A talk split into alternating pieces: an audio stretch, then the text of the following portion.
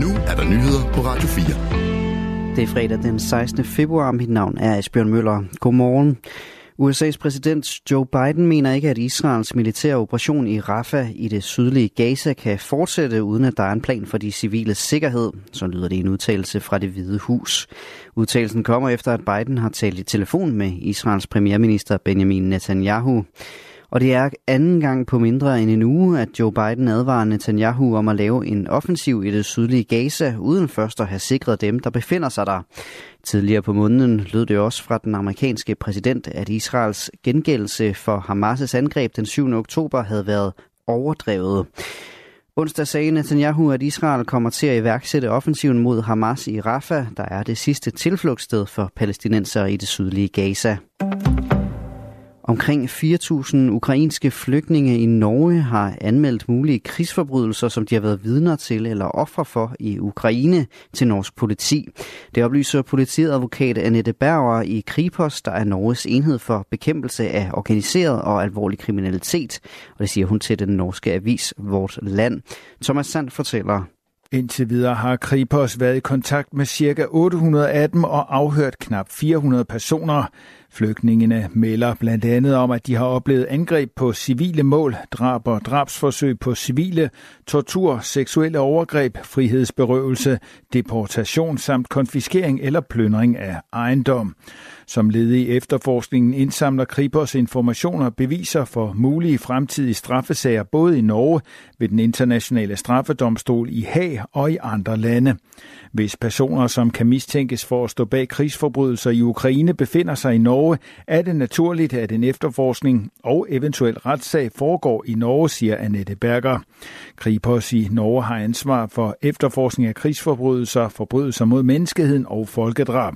Siden Ruslands invasion af Ukraine 24. februar 2022 har over 6,3 millioner ukrainer forladt landet. Næsten 71.000 af dem har fået opholdstilladelse i Norge.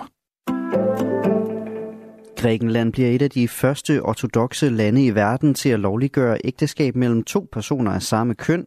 Det er så klart efter, at et flertal i det græske parlament i går stemte for lovforslaget om samkønnet ægteskab. Med loven får par bestående af to personer af samme køn desuden ret til at adoptere. 176 af de 300 græske parlamentarikere stemte for lovforslaget, som er blevet kritiseret af landets indflydelsesrige ortodoxe kirke, som mener, at homoseksualitet er en synd. Den græsk-ortodoxe kirke anses ifølge opslagsværket Den Store Danske for at omfatte 95 procent af landets befolkning. Kirken opfatter sig selv som den kirke, der har bevaret kristendommens oprindelige lære og form. Det er ikke holdbart at vinke helt og fuldkommen farvel til au pair-ordningen i Danmark, men den skal og bør forbedres. Så lyder det fra sektorformanden for kost- og servicesektoren i FOA, som organiserer au pair. Pia Heidi Nielsen hedder hun. Udmeldingen kommer en uge inden SF og enhedslistens beslutningsforslag om at ændre i den danske au pair-ordning, og den skal behandles i Folketinget. Onsdag besluttede de norske regeringspartier at fjerne au pair-ordningen i landet med øjeblikkelig virkning, blandt andet fordi man konkluderer, at ordningen ikke længere handler om kulturudveksling, men billig arbejdskraft. Og selvom Norge med det nye tiltag forsøger at fjerne udnyttelsen af den udenlandske hushjælp til en lav løn, så er det ikke at foretrække i Danmark, lyder det altså fra FOAs sektorformand. Den vej skal vi ikke gå. Tværtimod skal vi se på den ordning, der er, og forbedre den ved at have øje for beskyttelse og løn, siger hun.